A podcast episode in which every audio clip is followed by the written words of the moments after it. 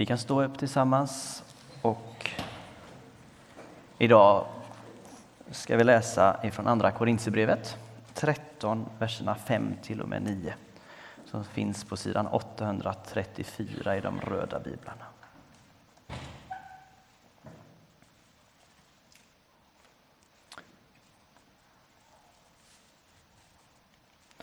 Undersök själva om ni har tro. Pröva er själva. Märker ni inte att Jesus Kristus finns hos er? Eller är det så att ni inte består provet? Jag hoppas ni ska inse att jag för min del har bestått det.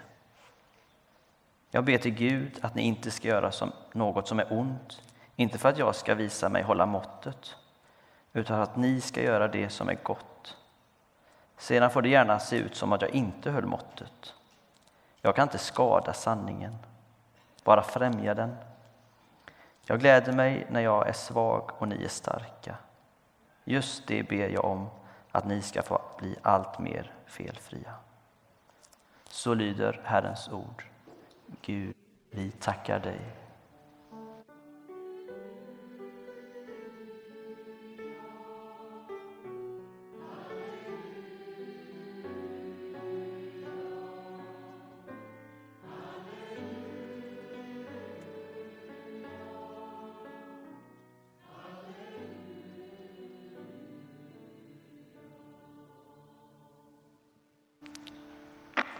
Varsågod och sitt.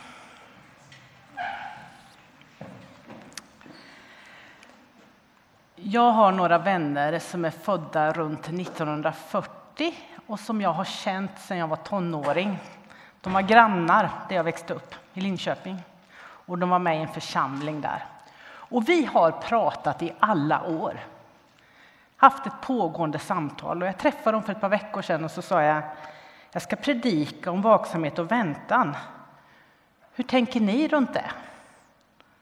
Och då berättar de att när de var tonåringar på 50-talet, varenda gudstjänst pratade man om Jesu återkomst. Och det var tidstecken och alla sånger, eller väldigt många sånger handlade om detta. Och hon kvinnan sa till mig att hon brukade be till Jesus. Jesus, låt mig hinna leva lite innan du kommer tillbaka, för jag vill det. Hon sa också att många andra frågor speglades genom den här saken. Till exempel vad som är synd. Då på 50-talet är bio synd. Och då sa man, tänk om du är på bio och så kommer Jesus tillbaka. Ja, du förstår själv, bio är synd. Ja, men så gick tankegångarna då. Och de frågade lite hur jag tänker idag om vi är nära Jesu återkomst eller inte. Alltså det är väldigt spännande att prata med någon under årtionden. Jag ska återkomma till dem. Men dagens text den är hämtad från Paulus brev, ett av Paulus brev till korintierna. Och han hade nog många pågående samtal med människor. Jag menar, han bodde hos folk i långa perioder kan tänka att de pratade och resonerade. Och hur tänker du? Och han försökte förklara och han lyssnade och så. Vi kan ta och titta lite på texten. Här får ni den. Undersök er själva. Om ni har tro, pröva er själva. Märker ni inte att Kristus Jesus finns hos er? Eller är det så att ni inte består provet? Jag hoppas ni ska inse att jag för min del har bestått det. Som alltid när man läser Paulus så krävs ett detektivarbete. Jag menar, vi, nu läser vi någon annans brevväxling. Det här är ett av... Vi vet att Paulus skrev minst fyra brev till korintierna, men två är bevarade. Hur kan man veta det? Jo, i första Korintierbrevet står det som jag skrev i mitt förra brev. Alltså, fyra brev. Och dessutom har vi inga brev tillbaka från församlingen och detta till Paulus. Och detta tycker jag är så spännande med att läsa Paulus, att man får liksom klura. Man kan ju fundera lite på den här församlingen. Han var deras pastor. Eller hade varit kanske. Församlingen i Korint, det här skrevs i mitten på 50-talet. Ungefär år 50 hade han ihop med en grupp, fyra, fem stycken var de, kommit till staden Korint för att grunda en församling. Och eh, han hade stannat ett och ett halvt år. De hade stannat, gruppen där. Och folk hade kommit till tro. Det hade bildats. Man tror kanske en hundra personer eller någonting. Man kan tänka sig att de lärde känna varandra ganska väl under den här tiden. Men nu har han varit borta från dem och han har börjat bli ifrågasatt. En del vill ha en annan ledare än han. Och så den här texten. Första Korintierbrevet, där pekar han mer med hela handen. Eh, lite mer auktoritärt, men här är mycket mer en ödmjuk ton. Jag hoppas ni ska inse att jag för min del har bestått det. Jag ber till Gud att ni inte ska göra något som är ont. Han, det låter, som jag ser det, en mer vädjande, ödmjuk ton till dem. De här människorna som var med i församlingen. Ja, först, länge trodde man att det var mest fattiga, men nu har man, forskningen kommit fram till att det måste ju varit en del rika människor också. Hur hade de annars kunnat ha stora hus man kan samlas i? Någon kyrkbygge hade det inte blivit, utan det var hem, husförsamlingar eller möjligtvis att man träffades i någon verkstad eller affär eller så. Så troligen både fattiga och rika och ganska brokigt. Och så Paulus som pastor, en frånvarande pastor. Vad skrev Paulus om livet efter detta, om Jesu återkomst? En del olika saker faktiskt. Han var, grunden för honom var att Jesus hade uppstått. Jesus var uppväckt från de döda och det var en signal på att yttersta tiden var inne och att vi också ska uppstå. Där är han ganska tydlig. Men så står det lite olika saker. Vad som ska hända med kropp och ande. Eh, de som fortfarande lever, hur ska det gå för dem? Och man får intrycket av att han resonerar lite olika, tänker runt detta. Senare i Filipperbrevet så skriver han eh, att han själv kanske inte kommer hinna vara kvar. Han kanske kommer dö innan Jesus kommer tillbaka. Och då kan man undra, ändrar han sig eller vad tänker han? Ja, men de här breven skrevs under tio års tid och han mötte människor och resonerade. Han hade samtal och han hade samtal med Gud. Men visste inte Paulus när Jesus skulle komma tillbaka? Vad tror ni? Visste han det? Nej. Det står väldigt tydligt i eh, evangeliet. Jesus säger att dagen och timmen känner ingen. Inte ens himlens änglar, inte sonen, ingen utom Fadern, inte Gud. Inte pastorn, ingen. Så Paulus visste inte heller. Han resonerade, han funderade. Om man ska försöka sammanfatta vad han säger runt Jesu återkomst kan vi säga Gud kommer vara trofast mot oss även in i döden. Men hur det kommer gå till är lite av ett mysterium. I första Korinthierbrevet har han sagt, vad jag nu säger är ett mysterium. Vi ska inte alla dö, vi ska alla förvandlas.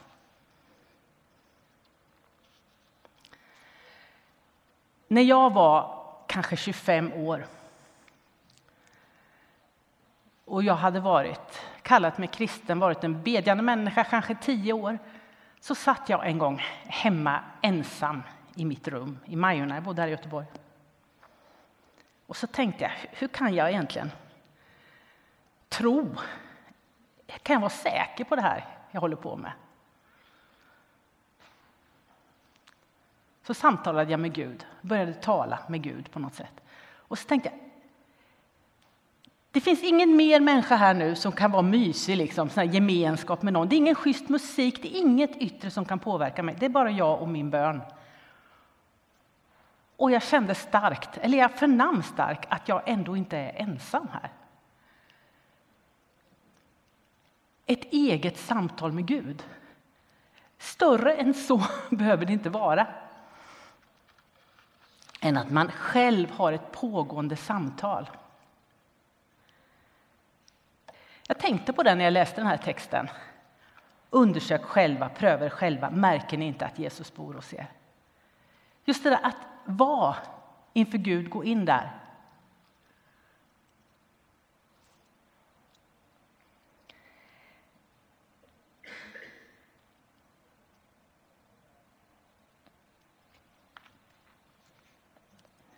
Jag tycker här att Paulus försöker tona ner sin egen roll. Jag är som en av er. Jag prövar mig också. Jag ber till Gud att ni inte ska göra något som är ont, inte för att jag ska visa mig hålla med måttet, utan för att ni ska göra det som är gott. Sen får det gärna se ut som inte jag höll måttet. I samtalet betonar han att de är jämlikar, människor beroende av Guds nåd och varandra. Paulus var en självutnämnd ledare. Det var inte, I de här första församlingarna var det inte formellt. Nej, han kände att han skulle vara ledare och han predikade och han evangeliserade och han var deras pastor. Och han valde själv vilka han hade förtroende för och vilka han ville skicka sina brev till. Det fanns en del kvinnor bland dem han valde. Några årtionden efter hans död då formaliserades det hela med biskopar, präster och diakoner och då försvann kvinnorna allt mer. Men på den här tiden så han samarbetar med en, den ena än den andra och citerar dem.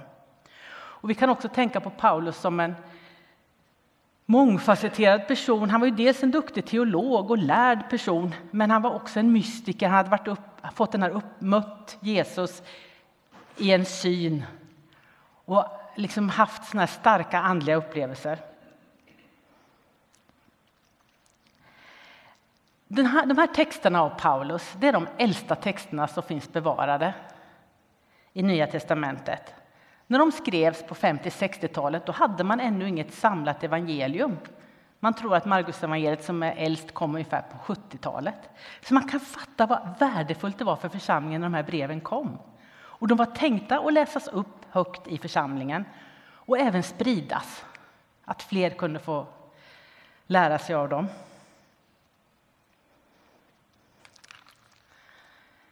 Mina vänner som var unga på 50-talet. Jag frågar dem, vad tänker ni då?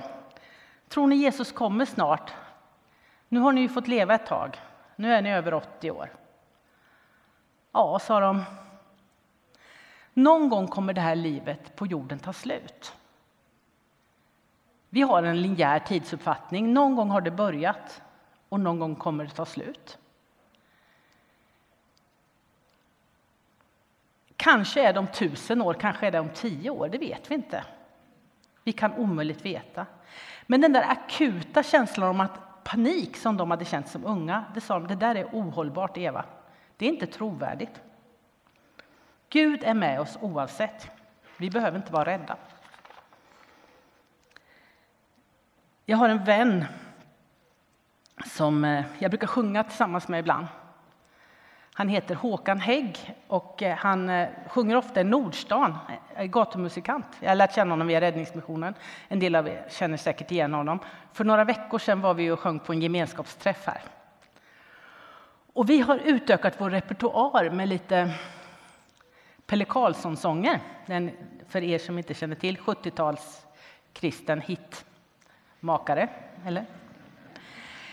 Så vi sa vi ska sjunga Pelle Karlsson, sa Håkan. Ja, det gör vi. Kan vi inte sjunga När du går över floden, sa han. Ja, sa jag, jag tycker den är rätt knepig. När du går över floden går du ensam, när du går över floden lämnas allt. Inga vänner följer dig, rikedomen räknas ej. När du går över floden lämnas allt. Nej, nej, sa Håkan, man har ändrat texten. Va? Ja, på Frälsis då sjunger man den så här. När du går över floden har du sällskap. När du går över floden är han med. Dina vänner tar farväl. Jesus sörjer för din själ. När du går över floden är han där. Den är genialisk. Och jag tänker Det ligger så mycket i det här att vi är ju aldrig ensamma. I Paulus brev till församlingen i Rom står det som man ofta läser på begravningar. Jag är viss om att varken död eller liv, varken änglar eller andemakter, ingenting kan skilja oss från Guds kärlek i Kristus Jesus. Det är ju det som är kärnan på något sätt. Inget kan skilja oss. Och därför utifrån vaksamhet och väntan så funderar jag på vad är det jag vill komma fram till när jag läser Paulus och de här samtalen vi har. Jo, jag tror att vi i livet behöver tre sorters samtal. Jag vill rekommendera tre sorters samtal. Ett är sådana som jag har med mina forna grannar. Medmänniskor som vi pratar med över tid, att vi är varsamma med relationer om allt möjligt. Det här medmänskliga pratar om. Det andra är sådana samtal som Paulus hade med församlingen eller i församlingarna. Sådana som vi har i församlingen.